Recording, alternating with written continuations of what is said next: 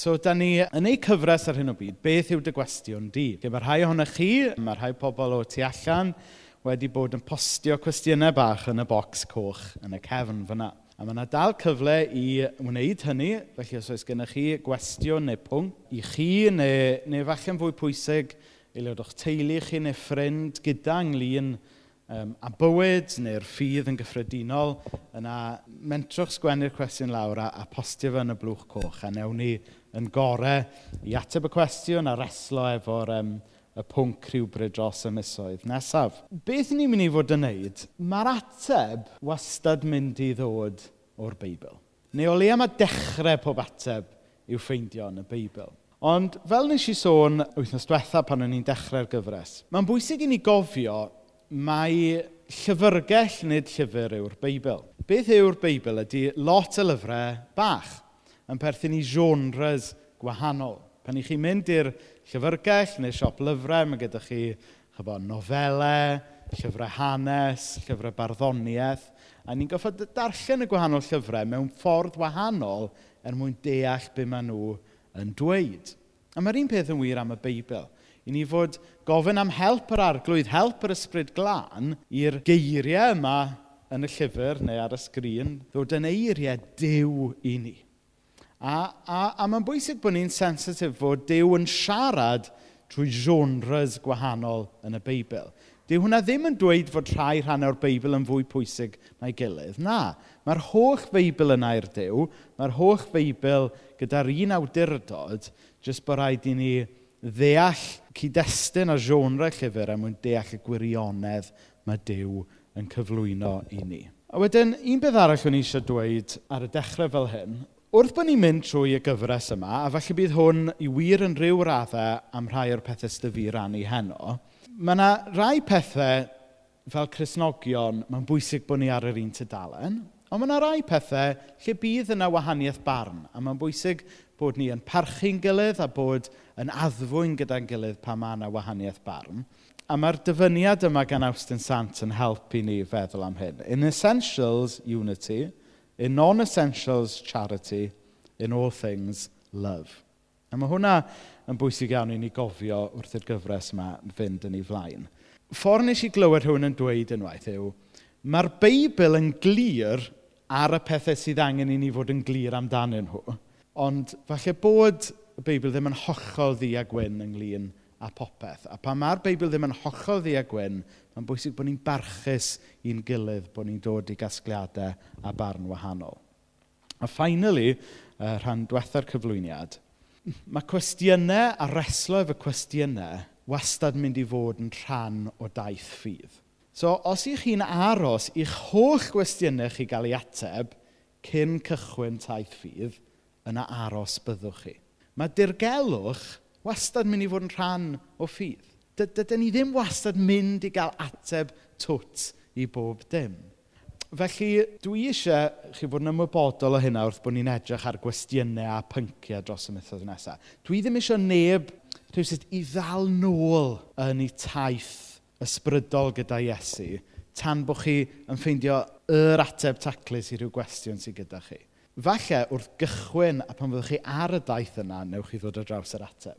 A mae hwnna'n rhan um, o reality ffydd. Nawr, y pwnc sydd gyda ni heno, so o'n i'n trio meddwl beth yw'r teitl dwi'n mynd i roi iddo fe. So mae rhywun, um, rhywun yn grŵp tînos fawrth fi'n meddwl, wedi fflagio lan um, bod lot o densiynau mewn cymdeithas dyddi yma uh, rhwng y gwahanol genedlaethau, rhwng y generations. Ac oedden nhw eisiau gwybod beth sydd gan yr eglwys ar efengil grisnogol i siarad mewn i hyn. So un teitl yn ei gyda'r neges oedd um, yr hen awyr yr ifanc a dybia, question mark. Um, neu wedyn, pan o'n i'n gwneud y PowerPoint slides, nes i fel am y teitl bach fwy cheeky yma, talking about my generation. Rwy'n yn gwybod The Who, yeah, can The Who. So, so which generation, tyfod? So, chi sy'n meddwl bod chi'n cool yn gwybod allan o pa gan mae hwn, da chi actually'n hen. Da chi... Ydy, maen nhw'n ma nhw ei sens. So, talking about my generation. So, mae'n ddiddorol bod um, hwn wedi fflagio lan fel isiw sydd angen i ni fel Cresnogion feddwl amdano fe. A mae rhywun yn gallu deall pam. Cos mae lot o sylw yn cael ei roi dyddiau yma ynglyn â'r gwahaniaethau rhwng y gwahanol genedlaethau, rhwng y generations mewn cymdeithas. Mae'n amlygu hun mewn sawl ffordd. Yn ddiweddar, yn, er enghraifft, yn yr etholiad, dim yr etholiad diweddara, ond yr etholiad yn 2017, oedd um, 58% o bobl dros 70 wedi fotio i'r ceidwadwyr, ond i'r grŵp oedran dan 24, dim ond 18 y. So mae hwnna'n un gwahaniaeth eitha stark, dydy? Yn y Brexit referendum, um, o'n i'n addo bydde fi ddim yn sôn am Brexit yn y flwyddyn newydd, ond dyma ni, for illustration purposes. Yn yr referendum Brexit, oedd 65% o bobl dros 65 wedi pleidleisio i adael, ond 71% o bobl dan 24 wedi pleidleisio i aros. A mae'n ddiddorol, yn dydy? A rhai o'r cwestiynau mwyaf mae'r wlad yn wynebu dyddiau yma, mae'r cenedlaethau fel bod nhw ddim ar yr un tudalen. Un peth arall lle mae'r um, generation wars, falle yn amlygu hun, yw y ffaith fod mwy a mwy o bobl yn byw yn hirach. Nawr, dechrau'r ugeinfed ganrif, yr life expectancy ym Mhrydain oedd 45 oed. Hwna'n anhygoel, dechrau'r 20th century, oedd e dim ond yn 45. Erbyn canol y ganrif, oedd e wedi neidio i 70, a mae e wedi slofi lawr bach ers hynny, neu byddai life expectancy yn 140 nawr neu rhywbeth. Ond um, erbyn hyn, mae fe'n 79 i ddynion ac 82 i, i, um, i ferched.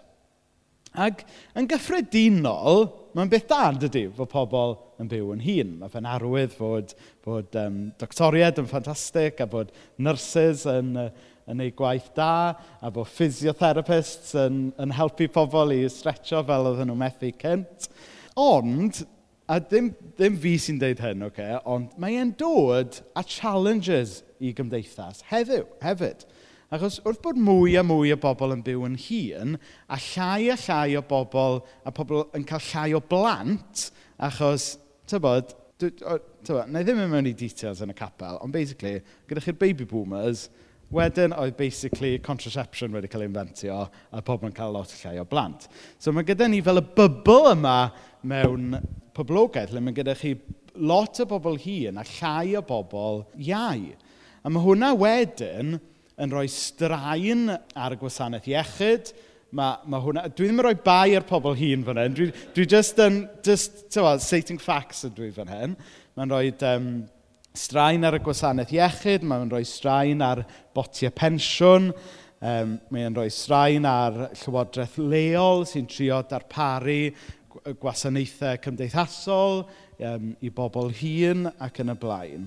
Ond mae cenhedlaeth ni yn iau ac yn fwy o bums a ddim yn gweithio gymaint a ddim yn talu gymaint o drethu. Ac wedyn ni, chi'n gweld sut mae'r ma, newidiadau demograffig yma yn creu gap rhwng y cenedlaethau a wedyn yn drist iawn mae gyda chi'r tabloids a pethau sydd yn rampio lan y foliwm fel petai ac yn gwneud issues o'r peth yma ac yn pitio cenedlaethau yn erbyn ei gilydd rhai pethau eraill lle mae pethau wedi newid. Mae, mae diwylliant yn newid yn sydyn iawn, yn dydy. Pan o'n i yn tyfu fyny yn y 90au, Oasis, Oasis oedd band fi, nawr mae Oasis ar Radio 2, tyfod? Mae hwnna'n neud i fi deimlo'n hen, tyfod?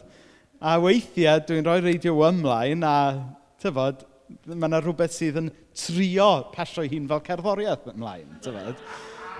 A wedyn, A dyma, mae diwylliant yn newid yn sydyn iawn, ydy? Mae technoleg yn newid yn sydyn iawn. Fi'n cofio, um, fi cofio cael sgwrs gyda, um, gyda Dennis, actually, chydig blynyddoedd yn ôl. Ac oedd Dennis yn dweithio fi am...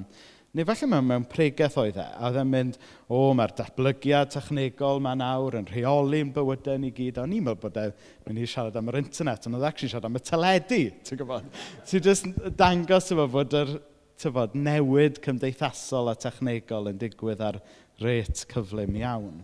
A wedyn, o'n i'n meddwl, mae nain, um, nain o penrhyndeidreth, a'r pella nath nain byth fynd o penrhyndeidreth, oedd i briodas mam a dad yn Rhydaman. Lle dwi wedi picio i Berlin am ben wythnos, dyfod, fydda, a mae'r ma, ma gwahaniaethau fel na rhwng y cenedlaethau. Dwi'n cofio y mobile phone cynta'n landio yn tŷ ni. Ac o'n i yn 18 ac oedd gyda ni fel un communal mobile phone oedden ni'n pasio rhwng pawb. Fes y pobl ifanc heddiw yn horrified gyda'r peth. A mae rhywun yn clywed hyd yn oed am plant ysgol gynradd hyd yn oed efo mobile phones. Gyda eithriadau, mae'r cenedlaethau rhywsut yn mynd yn bellach oddi wrth ei gilydd a ddim yn deall i gilydd. So dyma yw'r cyd-destun, a dyma beth oedd tu ôl pam nath rhywun siwr o fod droed lawr fel cwestiwn neu pwnc yr, y generational divide yma. Ond dwi eisiau deitha chi heno fod yr eglwys grisnogol yn cynnig model gwahanol. Dwi eisiau dangos heno'n yn sydyn iawn sut mae'r eglwys yn gallu modelu rhywbeth gwahanol. Rhywbeth sydd ddim yn pitio'r cenedlaethau yn erbyn ei gilydd, Ond mae'r eglwys grisnogol yn gallu dod â'r cenedlaethau at ei gilydd. Mae hwn yn um, just yn, yn ddau adnod sy'n cael ei cymryd chydig bach allan o context, dwi'n gwybod. Paul yn siarad efo Timotheus. Paid bod yn llawdrwm wrth gyrryddu dyn sy'n hun na ti. Dangos barch ato ac apelio ato fel petai'n dad i ti. Trin y dynion ifanc fel brodyr, y gwragedd hun fel mamau, a'r gwragedd ifanc fel chwiorydd. A gofala dod yn cadw dy feddwl yn lan pan fyddi gyda nhw. Na mae'n hyfryd yn dydy. Be, be ni'n cael fan hyn, yr anogaeth mae Paul yn rhoi i Timotheus fan hyn, yw bod ni fod trin y gwahanol genedlaethau yn heili yr eglwys fel teulu. So bod y dynion iau fod angos parch at y dynion hun. Fod y genhedlaeth iau fod edrych i fyny ar y genhedlaeth hun fel tasau nhw yn fam a tad go iawn. Fod y, fod y cenedlaethau fod edrych ar ei gilydd fel brodyr a chwiorydd. Beth i ni'n cael fan hyn ydy darlun o'r cenedlaethau'n cael ei tynnu at ei gilydd. Sef be mae'n cymdeithas ni heddiw angen mwy ohono fe. Os meddyliwch am y peth, chybod, edrychwch rownd y stafell yma rwan. Tyfod, da ni'n criw eitha eclectic o bobl. Mae'r mae, r, ma r spread oedran yn, yn weddol, oce, okay, 'swn i ddim yn meddwl bod yna lot o lefydd eraill yn Cynarfon heno sydd ar spread yma o oedran yn yr un stafell efo'i gilydd. A mae hwnna'n rhywbeth arbennig iawn. Mae hwnna'n dod allan o'n ffydd grisnogol ni. Mae'r ffydd grisnogol, mae e yn torri ffiniau diwylliannol, ond mae hefyd yn torri ffiniau oed hefyd. Mae'r efengil grisnogol yn efengil i bob oedran. Mae yna rhywbeth counter-cultural am yr eglwys grisnogol. Dwi'n cofio ym ffrind i fi, rhin, rhin Murphy, mae e'n pregethu yma weithiau. Cyn mynd yn weinidog i Rexham, oedd rhin yn weithio'r plant ei ieuenctid yn Bangor. Ac, um, a mae rhin yma'n dod o Fangor. So, tybod, so, kind of, by day oedd e, sort of, gweithio gyda plant ei ieuenctid. Ond sort of, by night, oedd y dal hangi allan gyda'r lads, tyfa, gyda'i ffrindiau fe. A tyfa, mae'n edrych bach yn rough rhywun, dydy, tyfa. Mae'n, you know what I mean? Fytha, tyfa, mae fe'n, tyfa, oedd e'n gweithio tu ôl bar gyda mewn y weinidog, you know what I mean? Ac, um, a dwi'n gwybod, oedd e'n deitha fi bod e'n cerdded trwy Bangor, um, tyfa, gyda'i ffrindiau. A wedyn oedd y plant mae'n gyd yn rhedeg ato fe, ti'n gwybod? A wedyn, i ffrindiau fe yn hollol fel freaked out, tybod? Fel, sut, mae'r plant mae'n gyd yn adnabod ti'r hun, tybod? Sut, sut pam bod... Wrth gwrs, oedd i ffrindiau fe oedd, oedd ddim yn rhannu ffydd e, doedden nhw ddim yn ymwneud efo rhai ddyn iau na nhw, nac yn hun na nhw heb, heb, ta, heblaw am i immediate family fel petai. Mae'r ffydd grisnogol, mae'n cysylltu ni efo pobl o genedlaethau eraill. A chybo, dwi'n ystyried pob un ohonoch chi fan hyn yn ffrindiau. Er bod rhai ohonoch chi ddigon hen i fod mam a dad i fi, a feiddiau o grymu bod rhai ohonoch chi ddigon hen i fod nain a taid i fi. Ond dwi ddim yn galw chi'n mam a dad ac yn daid a nain. Dwi'n galw chi'n ffrindiau. A'r efengel grisnogol sy'n neud hwnna'n bosib. Yr efengel grisnogol sydd yn toddi'r gwahaniaeth rhwng y cenedlaethau. Nawr, y pwynt nesaf dwi eisiau gwneud ydy, ydy hyn. Mae'r efengil grisnogol, mae e'n rhoi gwerth ar fywyd pawb beth bynnag yw y choedran chi. Ar ddydd y Pentecost, mae Pedr yn dyfynnu'r proffwy, Joel, a mae'n mynd fel hyn. Mae Dyw yn dweud, yn y cyfnod olaf, byddai'n tywall fy ysbryd ar y bobl i gyd. Bydd eich meibion a'ch merched yn proffwydo, Bydd dynion ifanc yn cael gweledigaethau a phobl hun yn cael breuddwydion. Bryd hynny byddai'n tywall fy ysbryd ar fy ngweision i gyd, yn ddynion a merched, a bydden nhw'n proffwydo. Mae'r darn yma mor bwysig i ni ddeall be mae'r eglwys ynglyn â fe. Am lot o resymau, ond y rheswm dwi am nodi heno yw oherwydd yr elfen multi-generational yma da ni'n cael fan hyn. Ti'n mae, mae pobl yn dweud, oh, it's a young man's game ac yn y blaen. Wel, dydy'r efengel grisnogol a'r eglis ddim. Mae ei bob cenhedlaeth. Ac fan hyn, ar ddydd y Pentecost, mae pawb o bob cenhedlaeth yn cael ei galw i broffwydo, yn cael ei alw i freuddwydio, yn cael ei galw i fod yn rhan o waith teirnas ddew. Does dim age limit ar fod yn ddefnyddiol yng ngwaith teirnas ddew. Yn amser y Beibl, os byddai dyn wedi mynd rhy hen i drin y tir, neu wedi mynd rhy hen i ymladd mewn byddin neu rhywbeth, byddai fe'n sort of, yeah, put out to pasture math o beth. So, oedd e'n ofnadw o countercultural yn amser y Beibl i Pedr ddyfynu Joel fan hyn. Oedd e'n dweud ar hyd y Pentecost, bod chi ddynion sydd ddim falle yn gallu trin y tir bellach, sydd ddim yn gallu mynd bant i ymladd gyda'r fyddin, mae yna waith a mae yna le i chi yn heirnas ddew. Oedd gwragedd hun yn arbennig gwragedd oedd yn weddwon. Oedden nhw, yn ôl y gyfraith a arfer cymdeithasol ar byd, llythrenol yn ddiwerth. Ond oedd teirnas ddew yn rhoi gwerth a lle iddyn nhw. Nawr, da ni'n byw mewn oes, dwi'n meddwl, lle mae pobl yn teimlo neu o leia'n gofyn y cwestiwn, wel, ydw i werth unrhyw beth? Beth ydy'n ngwerthu? Mae lot o'r genhedlaeth ifanc, falle, yn, um, yn flin gyda'r genhedlaeth hun. Chi'n clywed am lot o bobl ifanc yn angsty ynglyn â'r baby boomers. Tyfod, they've taken our future away a rhyw sort of, peintio brwsh llydan yn dweud pethau fel yna. Ond wedyn, wrth gwrs, mae gennych chi genedlaeth hun falle yn dweud, wel, chybod, y pobl ifanc yma, dyn nhw ddim yn gwybod beth ydy gwaith go iawn, a, ac yn y blaen. A, a'r syniad yma o anobaith a chwilio i feio rhywun arall, yn drist iawn chwilio a rhoi bai ar genhedlaeth arall. Yng nghanol hwn i gyd, mae pobl yn cochi hunan werth. Ond mae'r efengel grisnogol yn atgoffa ni fod Dyw ddim yn rhoi gwerth i ni based ar dyddiad geni, Dyw Dyw ddim yn rhoi gwerth i ni based ar yn CV neu beth da ni'n gallu cynhyrchu neu beth da ni'n gallu gwneud. Dydyn ni ddim yn colli gwerth ar ôl ymddeol. Dydyn ni ddim yn cyfrin gwerth yn ôl y medical record. Dydyn ni'n cyfrin gwerth wrth edrych be nath Iesu wneud i ni. Dydyn ni'n edrych ar y groes a dyna pa mor werthfawr ydyn ni yng ngolwg Dyw. Does neb yma past this by date. Mae yna werth arbennig i fywyd pawb, beth bynnag yw y choedran. A mae yna bwrpas a rôl i pawb yn heirnas Dyw. A mae hwnna'n newyddion da, dwi'n meddwl. Mewn oes, mewn cymdeithas lle mae'r generations fel pwtyn nhw mewn rhyfel yn erbyn i gilydd, mae'r Eglwys Cresnogol yn gallu modelu rhywbeth gwahanol.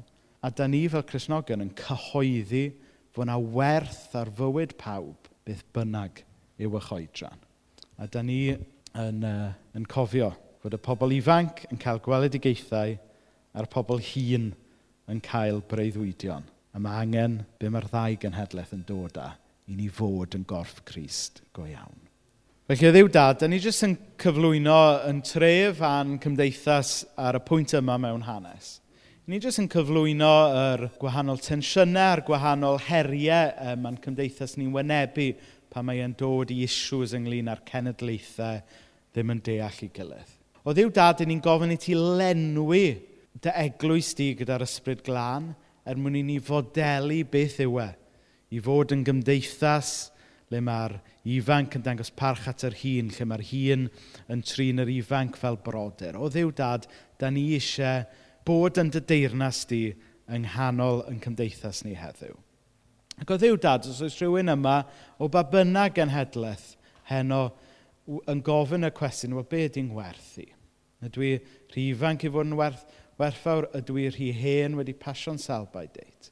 O ddiw dad, helpa'r bobl yna i edrych ar y groes a gweld bod nhw'n dragwyddol werthfawr yn dylygad di. O ddiw dad, bydd gyda ni felly gweddill yr wythnos.